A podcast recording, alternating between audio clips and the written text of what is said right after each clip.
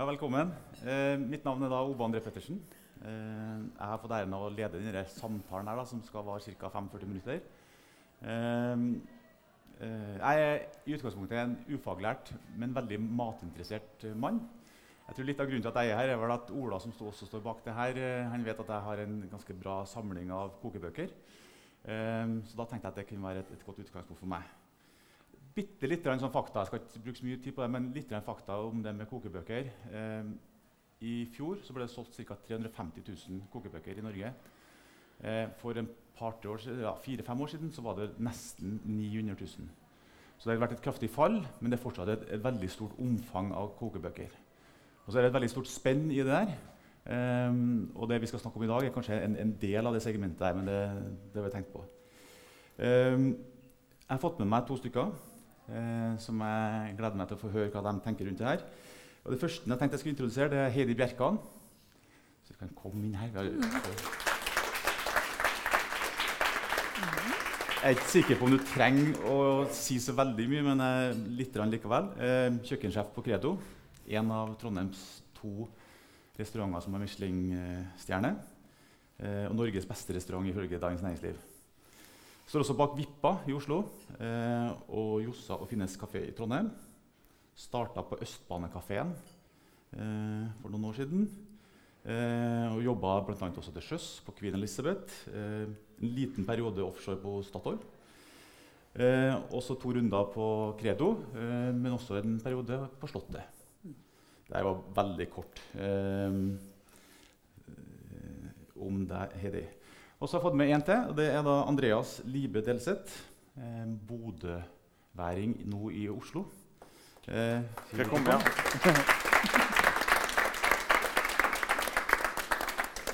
Andreas er programsjef ved Litteraturhuset i Oslo.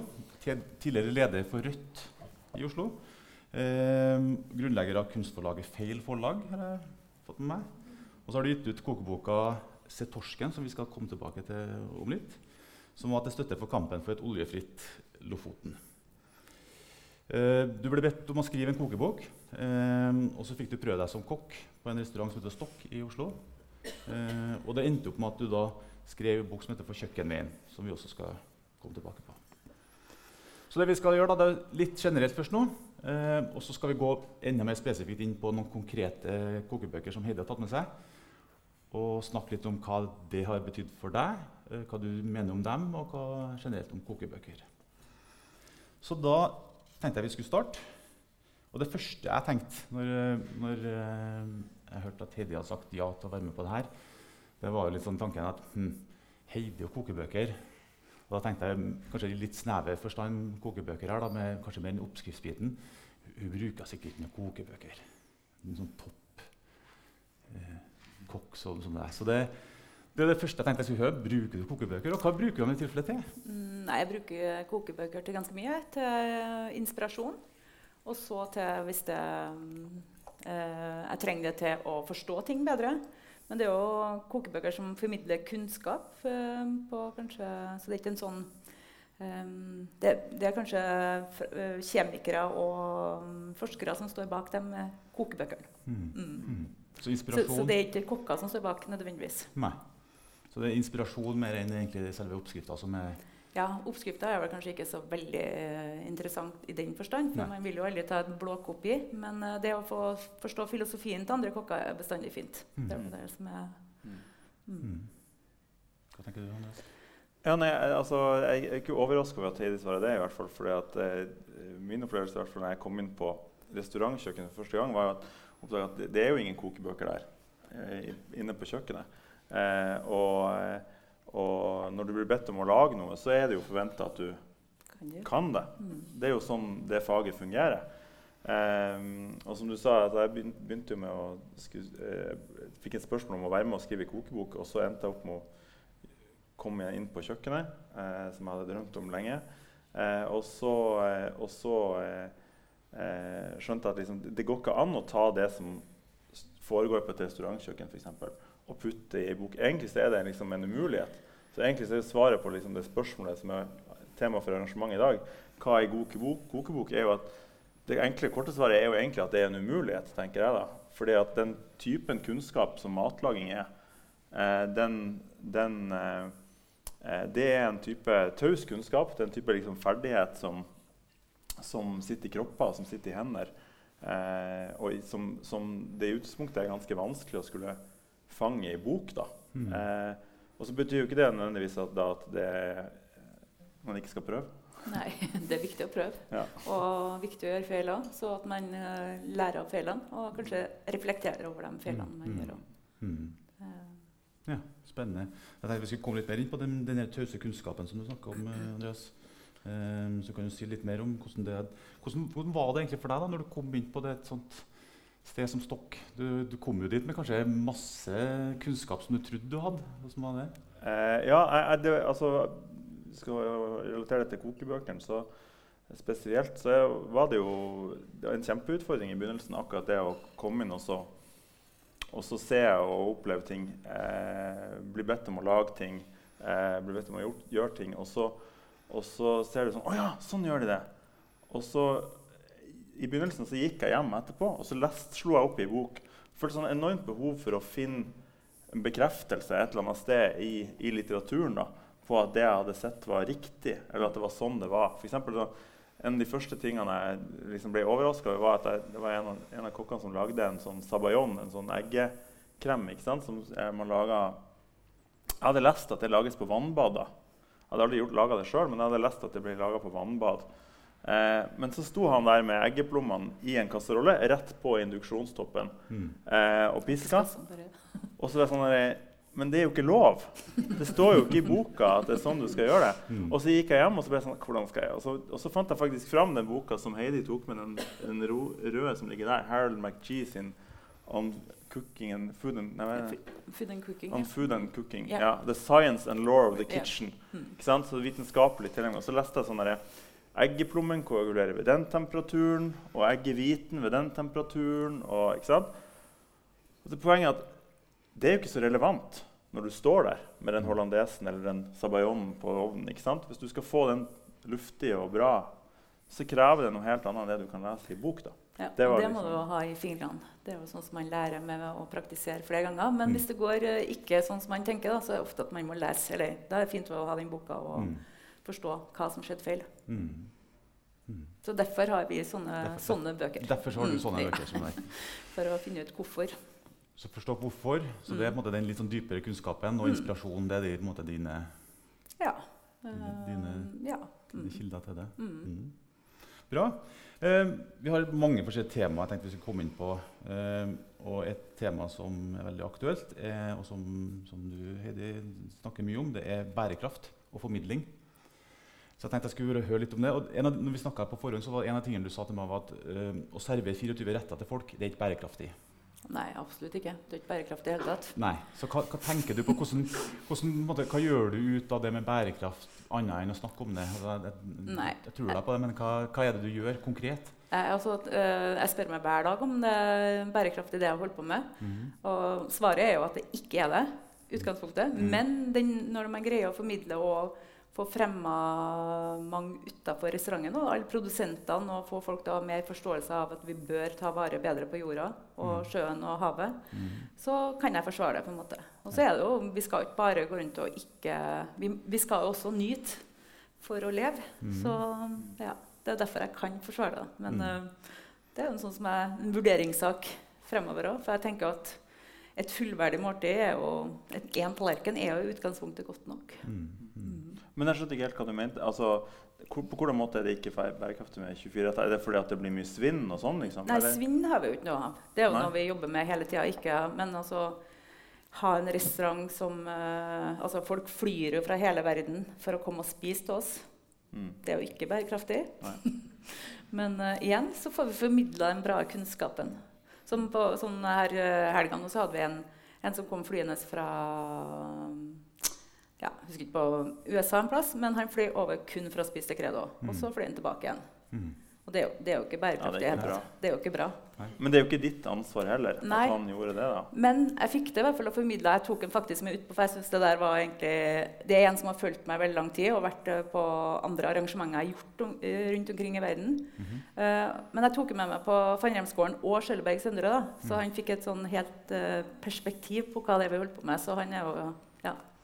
Mm. Det er fint. Kanskje du skal si litt mer om Fannremsgården? og... Ja, Fannremsgården og Skjølberg Søndre er jo mye av grunnlaget for uh, Credo. Eh, jeg tror egentlig ikke vi har uh, greid å få til um, det vi har fått til på Lilleby nå, eh, hvis vi ikke har hatt det samarbeidet med dem. Mhm. Så de er veldig en del, en del av det vi Mhm. jobber med hver dag. Mhm. I forhold til historie, å ta vare på kulturarven, og med alle de fine produktene de har. Mm. Begge gårdene er jo kretsløpsbaserte gårder. Det vil si at alle som er på gården, har en eh, nytte. Og det, det er noe som jeg, som jeg fikk en mye større for, forståelse for uh, etter jeg begynte å jobbe med dem òg. At uh, enderen er på gården for å spise negler i grønnsakshagen. Og, så alle sammen har en funksjon. da. Mm. Og sauene er for å beite ned utmark. Og at man har gamle eh, typer kyr òg, er for at den skal gå mer utmark enn mm. Mhm. Trenger ikke å ha eh, fi, sånn jorda. Ja. Mm. Spennende. Men når du snakker om bærekraft, så, så har jeg også hørt en del sammenhenger. Så, så en ting er i forhold til miljø, men det er vel også andre aspekter. Det er i forhold til ansatte og hele det, Du har ganske bredt Ja, ja, det, da altså, det går ikke an å ha bærekraft på bare, bare maten. Man må Mm. ha det i forhold til ansatte, man må Mm. ha det i forhold til økonomi. Mhm. Altså, det er jo ikke noe, man må drive restauranten så den er bærekraftig òg. Den må stå seg sjøl uten å ha en uh, rik onkel som uh, går inn med penger hele tida. Mm. Det- Da har det ikke, har ikke vært noe vits, for føler jeg. da. Det er viktig at alt det, at det gjennomsyrer mm. på at det lønner seg. Mm. Lønner seg for alle. Nesten noe det er kanskje litt tidlig, ja, men, men liksom kombinerer litt det dere snakker om nå Du har en interesse for altså en ting er maten, men også bærekraft eh, og formidling, som jeg tror er et annet stikkord. Og så snakker du om den tause kunnskapen som er vanskelig. Mm. Og så er det sikkert jeg tipper mange her sitter og lurer på at ikke vil det komme kokebok fra de side, men altså, oppi det her, hvordan tenker du rundt det? da? Vil, punkt 1, vil det komme? Og hvis det skulle gjøre det, hva ville du gjort da? Altså, hva Nei, altså om det skal komme kokebok som er Credo-kokebok, så, så må det jo være igjen med de samme tankene som jeg har. mm, Med å ivareta historien og formidle eh, ting rundt produsentene. Mm. Um, det tror jeg er det viktigste for min del. mm, Oppskrifter er faktisk ikke så eh, interessant, syns ikke jeg. Det, jeg. Nå har jeg villet lage ei kokebok som jeg ville ha eh, lest sjøl. Mm. Så da tenker jeg eh, er ikke så interessant. Det er mye mer interessant å få lest eh, hva kokken tenker. Mm. Mm. Selvfølgelig så har man retter, men man kan forklare hvorfor har man laga den retten. Mm. Det er veldig mye mer interessant, syns jeg. Da begynner vel å bevege seg litt mer over på det du er på jakt etter? Ja, altså Jeg endte jo opp med å skrive den boka 'Kjøkkenveien' da, litt fordi at jeg opplevde at det, som sagt, det gikk ikke an å fange den kunnskapen, at det, men at det likevel var nødvendig å prøve. Mm. Og også fordi at jeg opplevde at eh, veldig mye av matlaginga, sånn som den foregår på et profesjonelt kjøkken, men også sånn som jeg tenker at den kan foregå, bør foregå hjemme hos eh, de aller fleste av oss, eh, er- handler mye mer om prosess enn om oppskrift. Det Mm. handler om en måte å tenke på når du lager mat. da. Mm. Eh, F.eks. bare et sånn enkelt poeng som det med at, at på et profesjonelt kjøkken så er, deler man inn matlaginga veldig distinkt i to faser. ikke sant? Det er mise en plass, der man lager opp, eh, produserer opp det man skal lage. Og så lager man bare maten nesten helt ferdig. Så avbryter man prosessen. Og så putter man det på brett og i bukser og alt mulig rart. ikke sant? Og så tar man det fram igjen under det som kalles for service. ikke sant? Eh, det er veldig basic. Det er veldig rart å sitte og Nei, se på deg Det er kanskje ikke noe som jeg reflekterer over. det er noe jeg har lært hos deg, ikke omvendt. Men, men, eh, men den måten å tenke på har stor overføringsverdi, tror jeg, til hjemmekjøkkenet også. Eh, jeg ble i hvert fall veldig mye bedre på å lage mat med lave skuldre og med kontroll. og sånn, Fordi at jeg lærte å tenke på den måten om matlaginga, også hjemme. ikke sant? Og det er det, noe av det jeg har prøvd å liksom fange i den boka. da, At det liksom Det handler om en måte å tenke på og en Mm. måte å jobbe på. Mer enn det handler om sånne hvor mange gram av dette og dette. og dette. Ja, det går jo mye mer på planlegging og logistikk. På et sånn, eh, sånn profesjonelt kjøkken så er jo logistikk det største faget vårt. egentlig, Mm. på om vi greier å I hvert fall når du skal kjøre ut eh, ja, mellom 22 og 27 retter, så må man ha logistikken i orden. Mm. Og alle sammen må vite Store sånne skjema ikke sant, på benken med sånne krysser. Ja, vi er ikke store, men vi har skjema som Ja. vi krysser. så vi vet den. Men, eh, men igjen så er det også at vi kjenner hverandre såpass godt at vi skal vite hva som skjer. Det er jo ingen som står og eh, Du skal spise til oss i kveld, så for å se at det er ingen som står og roper ut ordrer og bestiller, sånn som er ganske vanlig. da. Mm. Vi vet alt vi går gjennom før vi starter service, og da vet alle sammen hva de skal gjøre. Men også fordi dere har gjort det arbeidet på forhånd. ikke sant? Ja. Alt maten er jo egentlig i prinsippet Ferdig ferdig. ja, før vi starter. Så klokka fem så er maten vår ferdig. Og da vasker vi ned kjøkkenet og tar en kaffe, og så gjør vi oss klar til nå seks kommer gjestene. Ja. Så da blir det ikke noe stress, og blir behagelig. Så sånn er det når du lager mat hjem, så er det sånn du gjør det òg? Ja, så vasker jeg ned kjøkkenet. Og så, ja. Sett Tre ganger om dagen og ja. sånn? Ja. Mm, Nei, men Det har blitt renere på kjøkkenet, ja. Mm. Og ryddigere. Ja. Og det å holde ryddig og liksom ikke ha Altså på en måte både kunne klare å ha flere prosesser gående samtidig. Sett på brøddeigen før du begynner å eh, ordne grønnsakene. sant? Men også det at når du holder på med de grønnsakene, så skal liksom ikke avskjære og eh, tingene som du eh, ikke bruker, de skal ikke liksom bli liggende på benken i en haug. sant? Da må du få de ned i den bøtta, og så må du tørke over, og så må det være litt, det må være litt orden. da. Mm. Ja, noen sånne ting. Men det er veldig viktig når man skal lage mat, å ha orden. Det er det. Mm. Det gjør det i hvert fall mye enklere. Du sa at du, skulle, du skal jo der i kveld, så Mm. um, det er litt spennende å høre. Hva kan jeg vente seg? Er det noe og kan du trekke noe av det tilbake til noen kokebøker? Hvis du svarer nei, nå så blir det et veldig kort spørsmål. Men, Mm. Jeg kan trekke det tilbake til noen kokebøker? Nei, nei det tror ikke jeg. Nei. det var det jeg frykta. Heldigvis. Ja. Heldigvis. Det var Nei, nå skal ikke jeg inni her, så finner Ja, vi nei, Sånn, du kan lese det i boka i stedet. Ja. Ja, Det er ikke noe bra. Ok, nei, ok, da, da stryker vi det Ja. spørsmålet. Um, ja, skal vi kanskje litt over på litt andre ting? Ehm, kvalitet på kokebok. Altså det, hele spørsmålet her er sånn, hva er en god kokebok? Altså, en kvaliteten på den. Altså, hva er det som kjennetegner det? da? Hva er det som gjør at den skiller noen ting fra en annen? Altså, vi skal komme mer inn spesifikt inn på dem her. Men sånn for øvrig eh, Det spys ut masse eller, Nå sa jeg jo sånn spys ut, det var litt negativt kanskje, men det er jo veldig mange kokebøker. Og, og veldig mye er, Det er varierende kvalitet. da. Så hva er det som man kan si en god kokebok? For meg er Ja, bra kokebok er med masse kunnskap. Mm. Eh, og så kan det være den inspirasjonsbiten. da, At jeg ser kokebøker fra andre restauranter. Det, ja, det er Men, der, men der er du i dag. altså Hvordan var det for x antall år siden, når du starta?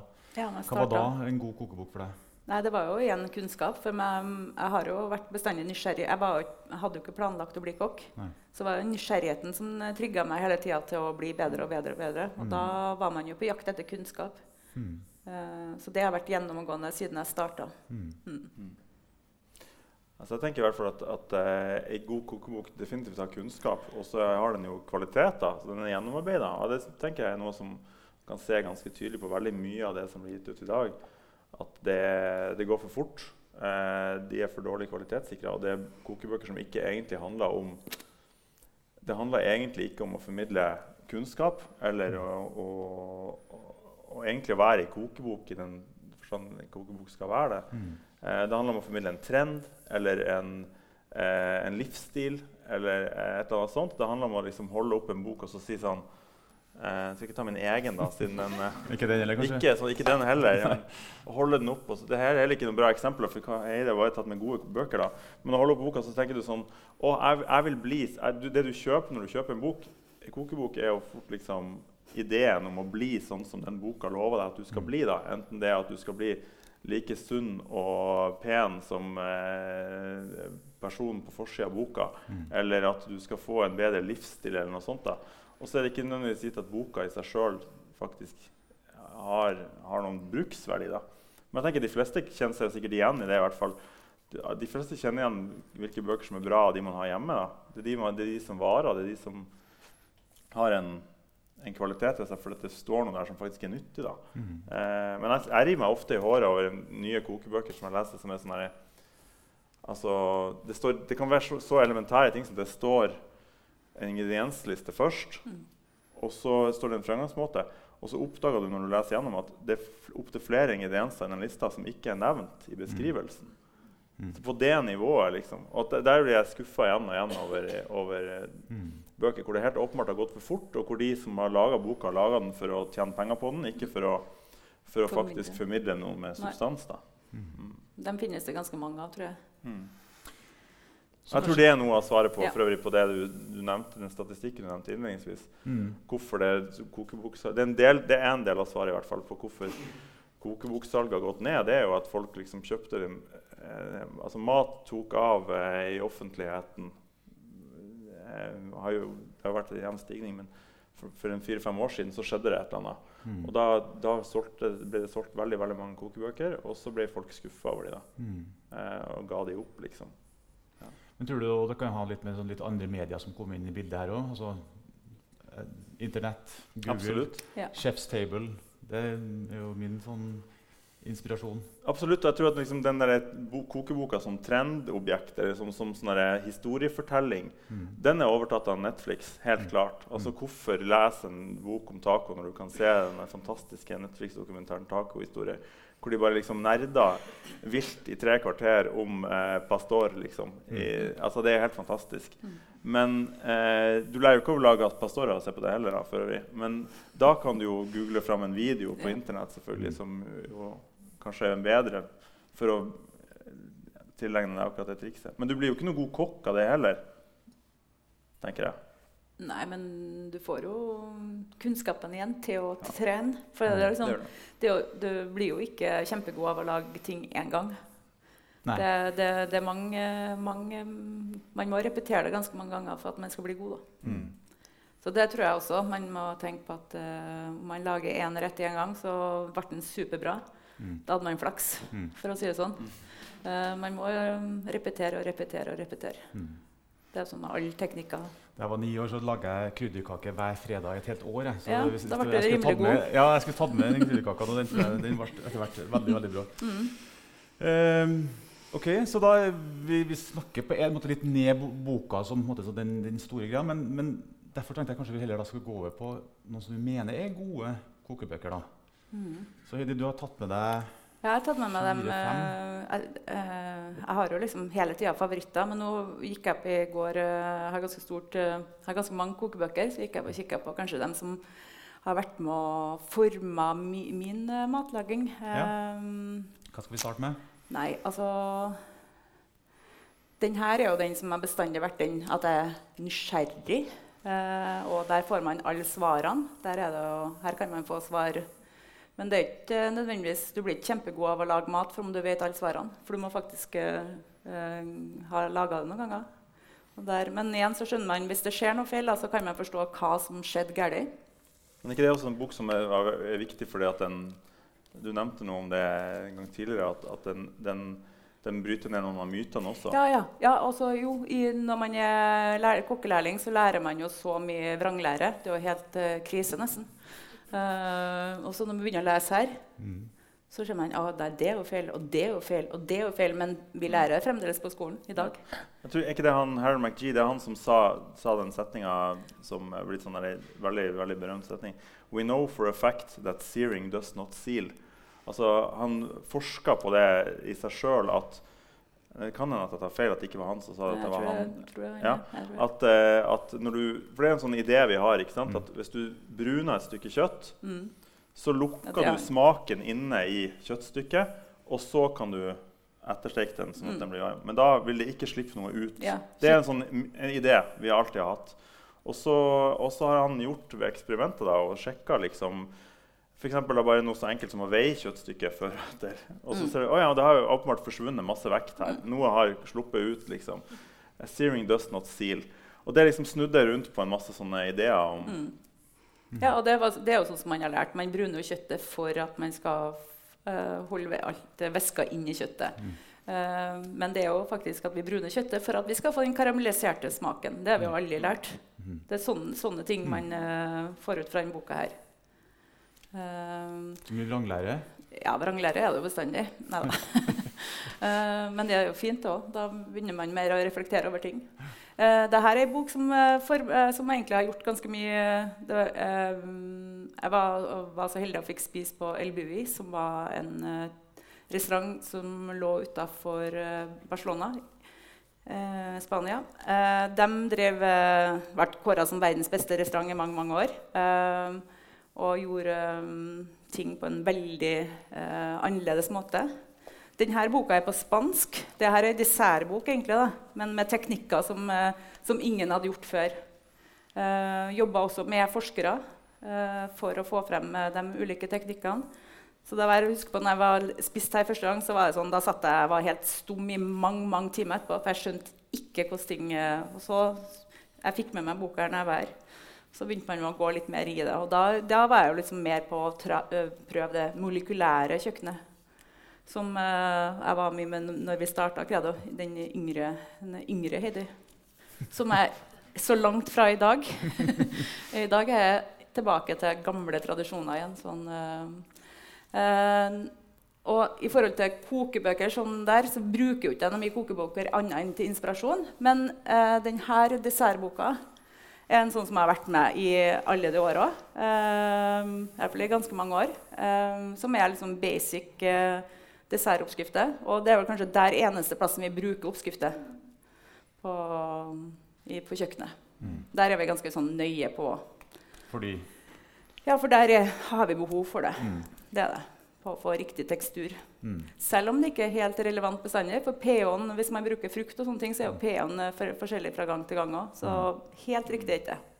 Det er jo noe av det fantastiske med matlaging. At det er du må være så nøyaktig. Mm. Mens det er likevel så stort rom for, ja. Eh, ja på for, en, endringer. Så du må liksom ha det. Du må fremdeles ha blikket og ha det i hendene for mm. at du skal få det til bra. Så øvelse. Øvelse, øvelse, øvelse. Mm. Det er jo det. Og så Uh, det her er jo en kjempefin bok. Uh, alle sammen har sikkert hørt mye om fermentering for tida. Uh, Vår eldste teknikk. sånn sett. Dette er en bok som ble kom ut i 2012. Det var det vi fant ut. Eh, og den er en sånn som har også egentlig absolutt alt. Igjen masse, masse, masse kunnskap.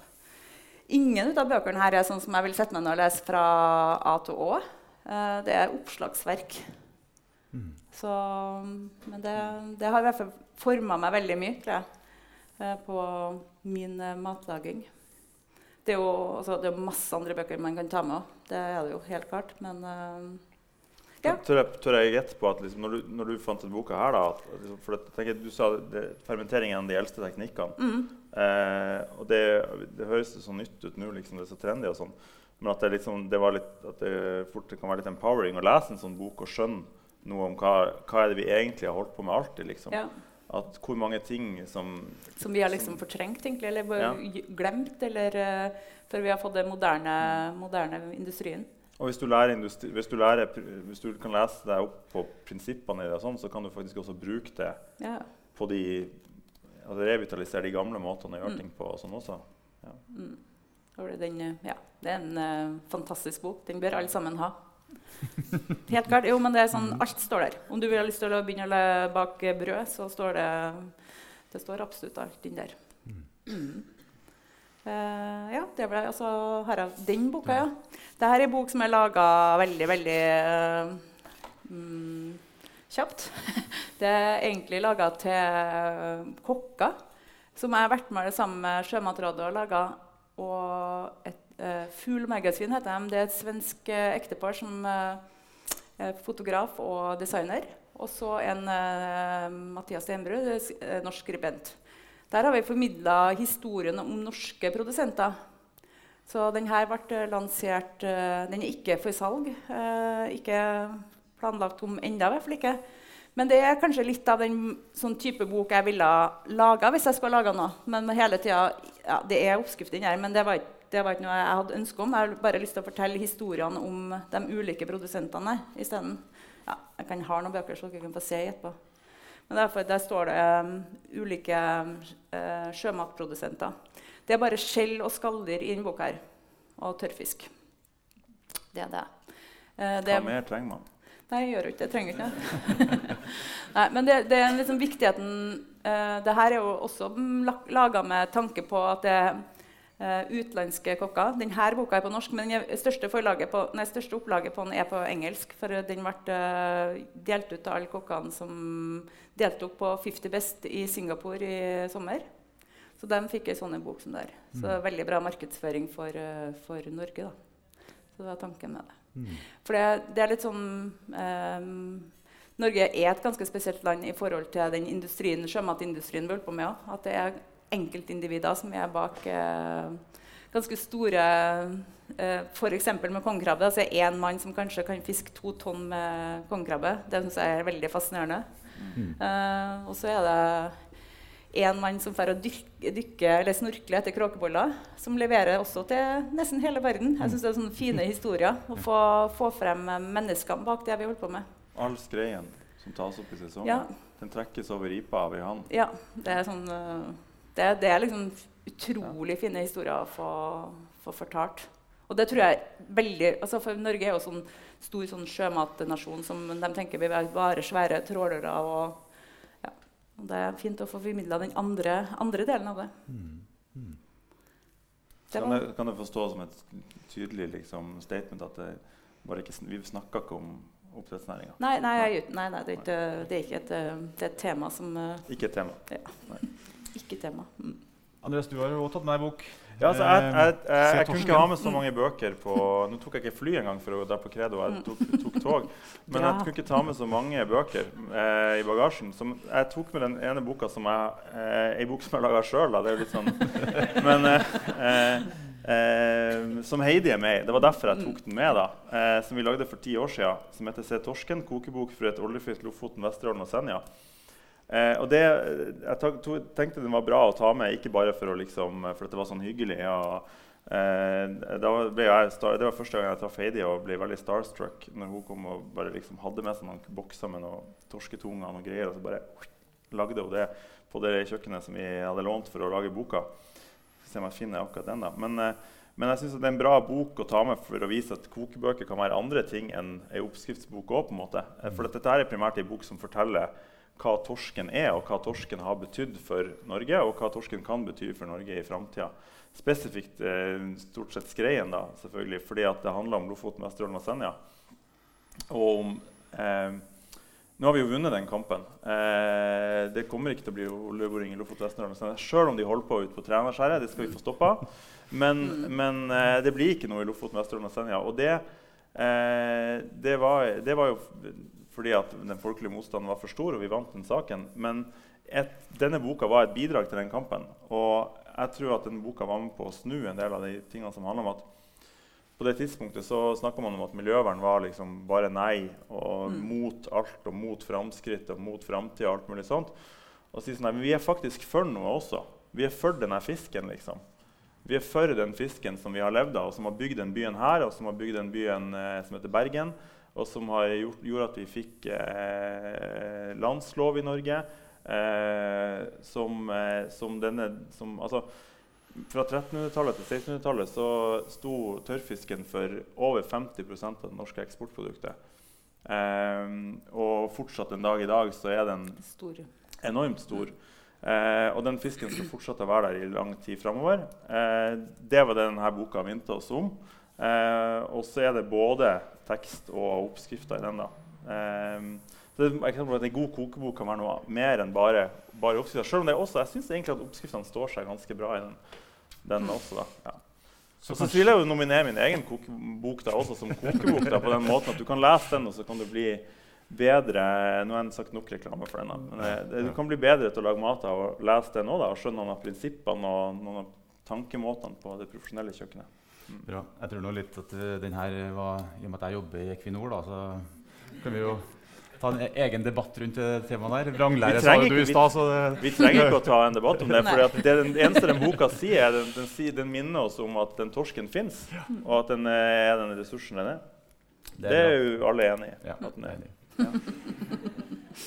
Hvis vi da skal kikke sånn framover altså Det, det finnes jo kokebøker om veldig mye, og nå har vi vært inne på noen typer her. Men sånn, det er jo mange trender. og så sier du det, det er det er mange trender som mange, Kanskje for mange bøker har blitt laga pga. trender. Men hvis litt mer sånn litt lengre trender, da, eller et tema som man kan se for seg framover hva, hva, er på en måte framover vi vil finne i kokebøker de nærmeste fem årene? Har du noen tanker om det, Andreas? Eh, Nok en gang nei er ikke et svar. Jeg har jo tanker om det, for så vidt. Eh, jeg, jeg tror at eh, de som skal lage kokebøker i årene som kommer, de må tenke ganske smart. Fordi at, eh, nettopp fordi at den konkurransen er så sterk fra Internett. da. Mm. Det, det vil bety at den gode kokeboka i framtida i enda større grad er kvalitetsorientert og eh, pakka med kunnskap og gir deg noe som du ikke kan få gjennom Internett. da. Eh, men jeg ser også at liksom, for det internasjonale kokebokmarkedet så er det jo det er jo stadig flere bøker som f.eks. tenker helt annerledes og nytt om rundt forholdet mellom tekst og bilde. For Mm. eh, jeg syns jo at mitt, eh, mitt eget forlag, de som har gitt ut min bok, men som, de gir jo primært ut uh, mye kokebøker. da. Eh, F.eks. sånn som den boka til Even Ramsvik som heter 'Ny norsk mat'. Som jo forteller historier på en helt annen måte. Eh, fordi at det er liksom ett kapittel per rett. Og så er hver rett brutt ned i de komponentene som de tilsvarer på et profesjonelt kjøkken. Så det er en annen, helt annen måte å lage kokebok på. Den syns jeg er veldig kul. Eh, kul for, I hvert fall for de som har lyst til å liksom, lære seg å lage noen kule retter som de kan imponere med hjemme. liksom. Eh, men også fordi at, at det, det, er brutt ned som sagt, i de komponentene. da. Sånn at det blir så det er, liksom, er en vei å gå, da, og som jeg tror det kommer til å bli mer av. Um, Mm. men det kommer jo men også liksom sånne bøker som, som handler om produksjon og som orienterer seg rundt det, tror jeg òg det kommer til å komme mer av. Mm. Uh, ja. Ja, jeg har uh, trua på at folk har uh, stor, uh, stort behov for mer kunnskap. Mm. Eh, så jeg tror at det kommer mer sånne faktabøker Faktabøker. ja, Mm. som, som man kan bruke som oppslagsverk. Mm. På, tro, på tross av at vi har Internett. Men uh, igjen der også tror jeg at eh, man går inn i at eh, man finner uh, ysting, f.eks. Vi ser i hvert fall noen sånne bøker som har kommet eh, også i siste årene som har vært utrolig bra. Det er sånne fagbøker om ysting. og Det er en sånn bibel. på en måte. Mm. Det er også som går tilbake i våre norske tradisjoner. Eh, jeg tror også det er en sånn stor inspirasjon til alle kokker rundt omkring i verden. Og til å gå tilbake til røttene i de landene man, eh, man eh, holder til. Og finne mer inspirasjon i det Mm. urkjøkkenet, på en måte. Mm. Mm. Mm. Så det tror jeg fremdeles. Og så blir det også enda mer kokebøker fra restauranter. Det tror jeg fremdeles er er et stort marked for. Mm. Det er jo en, det er jo en generell trend i bok, bokmarkedene generelt sett at man eh, lager, for bøker som også er liksom tenkt som objekter. Mm. Det er en sånn paradok- altså, en ambivalent greie, syns jeg. At Mm. det, det er ikke boka for boka sin del, men det er boka som et slags liksom, mersalgsprodukt. Mm. Så mange av de restaurantbøker tenker jeg, det, de står i fare for å falle i den kategorien. da. Altså, Ja. Å liksom bare bli en sånn et, noe du kan tilby gjesten din å selge, kjøpe på veien ut. fordi Mm. da får du lagt på 500 kroner på Det er jo tanken med Ja. boka her. Ja. Nei, jeg tuller bare. Sug mest mulig ut av det. Yes, vi begynner å nærme oss eh, at vi begynner å eh, runde av. Er det noen siste tanker som vi skal ta med oss? Eh, jeg har én type sånn ting jeg vil høre med dere om før det. Eh, og det går på, liksom, Hvis du da tenker en sånn- en tolvåring, en gutt på tolv år, ei, dame som skal arrangere 40-årsdag altså Litt mer den, den vanlige, da, da beveger vi oss litt bort fra, fra den profesjonelle biten her. Hva er den ene kokeboka, da? Eller hva, hva slags råd vil du gi til, til de personene? Jeg, jeg tenker ikke les, egentlig ikke les kokebøker, men lag noe du kan og føler deg trygg på. Ja. Eh, senk skuldrene, liksom. Eh, ja. Ja, det er det tryggeste. Mm. Ikke tenk for avansert. Det er jo det som er um, Lag noe du kan, ja. Mm. Og så tror jeg at det, tror jeg bare liksom det å tenke altså, tenke den der med å, Litt den å lære av den der profesjonelle måten å tenke på med å dele inn matlaginga. At du kan, altså, hvordan kan du gjøre ting så ferdig som mulig før folk kommer? Mm. Sånn at du slipper å bruke tid på å stå og svette eh, over gryta når, folk, Mm. når du har gjester. liksom. Ja. Mm. Logistikk, Mm. planlegging. Mm. Mm. Mm. Vi har tid til et par spørsmål, hvis det er noen som har eh, Ja, vær så god. Eh, Når du har vært ute og spist på restauranter i Trondheim, Redo eller eller hva det måtte Mm. være, så får du inspirasjon fra noe av det du har sett der. Så Mm. går du til bøker, og så prøver du å finne Så finner du noenlunde noe som passer, men så skal du ut og handle. Mm. Hvor skal du gå da? Eh, Reko-ringen. Mm. Må du planlegge. Ja, men planlegging er hele hm. Jo, jo, men kan det være det da Mm. får lyst på en kalde Nei, du jeg er veldig lite ute og handler, så jeg kan faktisk ikke anbefale noen butikker. Sorry for det. Men uh, nei, dyrk det sjøl. Det er beste tipset. Um, det, det er litt sånn eh, Jeg tror man må ha et forhold til butikken sin. Altså etterspør ting. Uh, det tror jeg er beste rådet. Men det, det, det er også noe flott med det at liksom, i hvert fall mange av de tingene da, det, de, det sier noe om at liksom, vi må endre på mye større ting. da. Ja. Kanskje det kan være noe inspirasjon. da, igjen legitimere det man holder på med. da, At det, det er eh, Altså den, den fantastiske fisken Mm. og, og s- som, som man får på Credo, da. Eh, hvorfor er ikke det tilgjengelig? liksom? Eh, det, må, det, det, må, det må noen gjøre noe med. Mm. Ja. Men da må folk kjøpe, da. Det er liksom det Ja, ja. som er mm. Og så jeg planlegger jo, planlegger jo et år altså, i, I januar nå så planlegger jeg for neste års grønnsaker. Eller samme år, så, men eh, vi ligger ganske mange måneder fremover òg. Så må Mm. man jo mm, Det gjorde man jo før i verden. Mm. Mm. Jeg planla god tid i forveien. Mm. Mm. Jeg ikke at det, ja. Ja. Eh, for meg er mat politikk også. Mm. Og så ser vi på TV både matsvinnet, alt som kastes, og så ser vi alle disse frosne lammene som ligger på kjølelager, vet man hva nei, sauene Mm, kjølelager, mm. vet hva man skal gjøre. Potetene som blir i jorda, fordi eh, utpå våren så importerer vi Altså, Har dere noen kommentarer til det, og hvordan Norge skal komme seg ut av en sånn situasjon? For det er i hvert fall ikke bærekraftig. Det er langt ifra. Det er dere som sitter på svaret, eller svaret der. Skulle si, man må stille krav til butikken. Det tror jeg. Og godta at det er flekker på gamle grønnsaker. Det, for det, det, det er vel kanskje det viktigste. Men jeg tror man må, der må man bestemme seg for at nå vil vi ha en endring. Og det er jo folket som greier å gjøre det. Mm.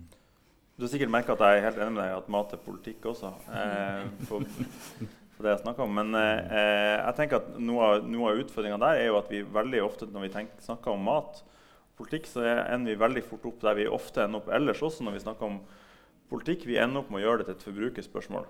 Til å gjøre det til et spørsmål om hva vi handler i butikken. Eller om hvilke valg du og jeg tar hver for oss som, som enkeltpersoner. Og utfordringa med det er jo at liksom, hvis vi skal forandre hele det matsystemet, som er det vi snakker om, ikke sant? så trengs det politikk eh, på ordentlig. Og da, da hjelper det ikke hva, hvilke valg vi tar i, i kjøledisken. Liksom. Eh, da, må vi, da må vi Da må det større ting til. Og jeg tenker at, at eh, en, en, et, en sånn ting i tillegg til organisering og, og det at vi må slutte å liksom tenke på det som valg vi gjør i, i, i disken, og heller til valg vi gjør i politikken, da, er at vi må vi f.eks. kan lære veldig mye av eh, eh, kokkene. At kokkene er de som har liksom pekt veien videre på hvordan vi kan organisere i framtida. Liksom den modellen som Heidi har praktiserer med restauranten sin og gårdene, den relasjonen, eh, det, er, det er en modell faktisk for måten vi kan organisere matproduksjon på i stor skala. Og så er det et politisk spørsmål hvordan det skal, skal se ut. da. Og det, det er et spørsmål vi må stille til partiene og til eh, organisasjonene og osv. Ja. Da er klokka kvart over ett. Vi har brukt bare 45 minutter. Da takker jeg for oppmøtet, og så ønsker jeg deg lykke til på, på Credo. Eh, Takk. Kan du være lykke til? Ja, det er du som Jeg skal lykke til.